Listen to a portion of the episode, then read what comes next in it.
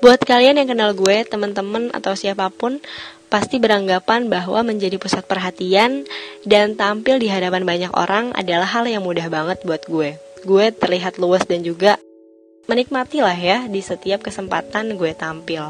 Padahal orang orang-orang juga nggak pernah tahu sih seberapa minder dan bencinya gue terhadap gue uh, diri gue sendiri dan juga mereka nggak pernah tahu seberapa gue harus merasa dihinakan dulu untuk berada di posisi yang terlihat saat ini dan orang-orang juga nggak pernah tahu seberapa besar kerelaan gue untuk berusaha bangga dan menerima diri gue sendiri dengan segala kekurangan yang buat gue memuakan banget untuk bisa terlihat sampai saat ini, gue harus dikucilin dulu nih oleh teman-teman bahkan oleh wali kelas gue sendiri karena gue terlihat bodoh ketika SD. Hanya karena gue dapat nilai nol pada pelajaran atau PR matematika dan wali kelas gue saat itu ngelemparin buku PR ke muka gue dengan kasar banget di depan temen-temen gue sekelas langsung. Dan saat itu, peace people, gue kelas 3 dan perlakuan kayak gitu membuat gue kehilangan harga diri di hadapan teman-teman gue. Dan gak hanya itu, itu juga membuat gue kehilangan rasa percaya diri dan bahkan cenderung mulai membenci diri sendiri karena gue menganggap diri gue sendiri adalah orang yang bodoh dan orang-orang di sekitar juga mengiyakannya. Nah, berkali-kali gue belajar matematika supaya sama dengan teman-teman gue yang selalu dapat pujian dan nilai bagus, tapi gue gak pernah bisa.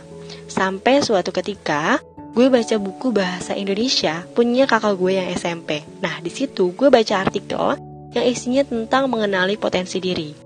Artikelnya singkat banget kayak wacana di pelajaran-pelajaran lainnya gitu ya. Tapi dari artikel singkat itulah gue mulai berubah sedikit demi sedikit. Karena di artikel itu bilang, kita cukup melakukan hal-hal positif yang kita sukai. Maka karena gue suka banget baca, akhirnya gue mulai lebih rajin lagi untuk baca, terutama baca buku cerita dan juga buku dongeng gitu. Gue sih udah mulai nggak terlalu peduli ya, perlahan-lahan gue menganggap uh, bahwa keinginan untuk dapat nilai matematika sebagus temen-temen gue yang selalu dapat pujian itu nggak terlalu penting lagi. Nah, mulai dari itu gue udah mulai uh, tidak membenci diri sendiri dan fokus pada apa yang gue sukai aja. Sampai ketika wali kelas gue mengadakan ulangan harian dadakan untuk pelajaran IPS. Gue ngerjain itu anehnya mudah banget karena uh, gue ngerasa bahwa hal-hal itu sering banget gue baca, sering banget berkaitan dan sering banget gue temui baik itu gue yang gue tonton dari berita di televisi atau juga dari informasi dan percakapan orang-orang dewasa yang gue simak diam-diam. Pokoknya dari situ gue berawal hal-hal yang mengejutkan lah ya.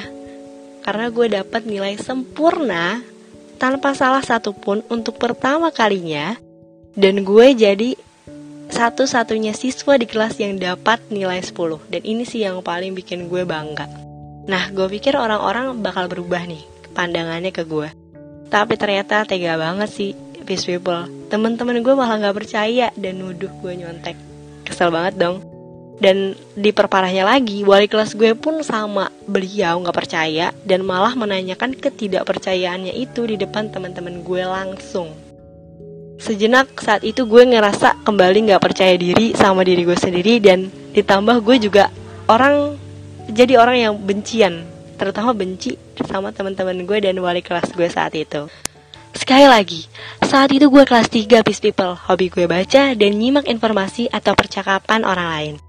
Entah deh karena cerita, bacaan, atau informasi yang gue peroleh dari mana gitu ya Yang membuat gue rasa percaya, percaya diri gue tuh balik lagi Dan entah ini jelek atau bagus, gue mulai gak peduli dengan anggapan atau respons negatif dari teman-teman gue atau siapa pun. Gue fokus baca dan fokus ngelakuin apa yang gue suka Mulai dari baca dongeng anak-anak, baca buku motivasi, baca buku panduan sholat gitu kan baca novel remajanya kakak gue sampai gue baca juga puisi Kahlil Gibran sayap saya patah anak kelas 3 guys.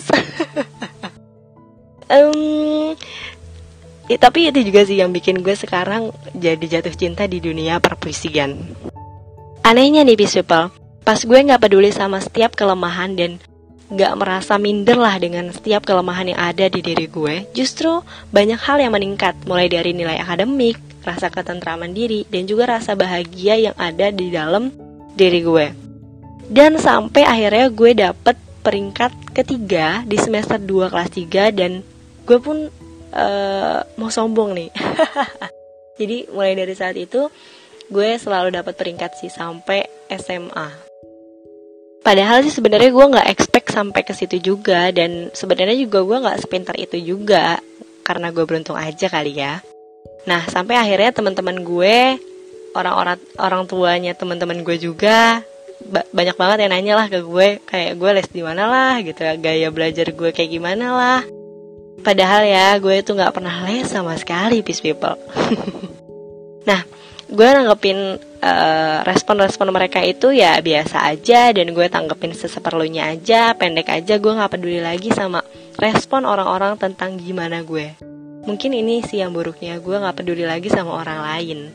Mungkin gue terlihat cuek dan ya itu memang mungkin terbentuk lah dari proses yang gue lalui uh, saat saat itu sampai akhirnya gue memutuskan sekarang sekarang ini untuk menurunkan kadar ketidakpedulian karena itu nggak bagus juga sih sebenarnya. Nah, dari pengalaman gue tadi nih Peace People, kita bisa tahu bahwa setiap orang pasti punya potensi dan itu beda-beda. Keterampilannya, kelemahannya, kejadian-kejadian atau proses yang berbeda pasti membentuk sikap bahkan jati diri setiap orang. Nah, orang-orang yang terlihat kaya, terlihat sukses pasti adalah tempaan atau suatu proses yang menempatkan dia di posisi yang kita lihat saat ini.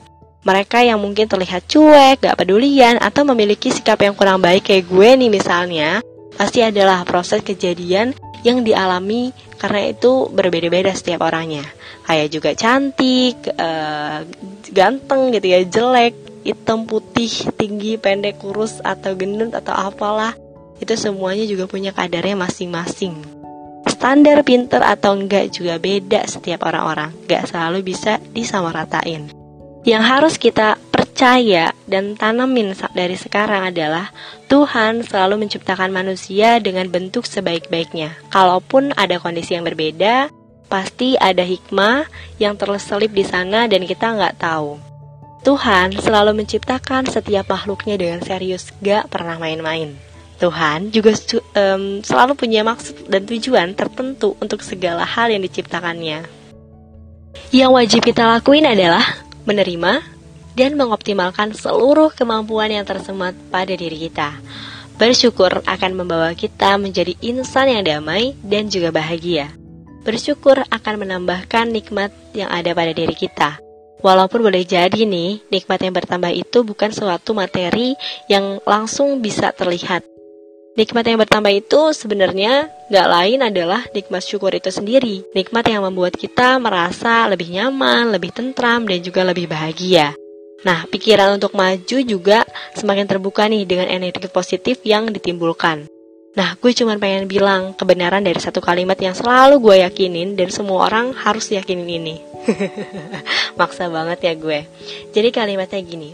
Jika kamu bersyukur, maka akan aku tambahkan nikmat kepadamu. Tapi jika kamu mengingkari nikmat, maka sesungguhnya azabku sangat pedih dan ini harus benar-benar diimplementasikan, peace people.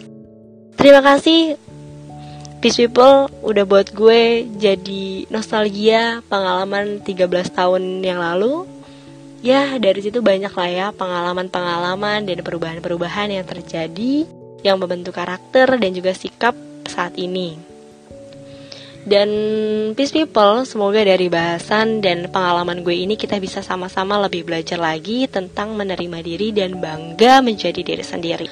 Jangan lupa juga untuk terus dengerin podcast Peace Generation Banten di episode selanjutnya. Akhirnya, gue, Nanda Alifah, pamit undur diri. Salam damai, sampai jumpa.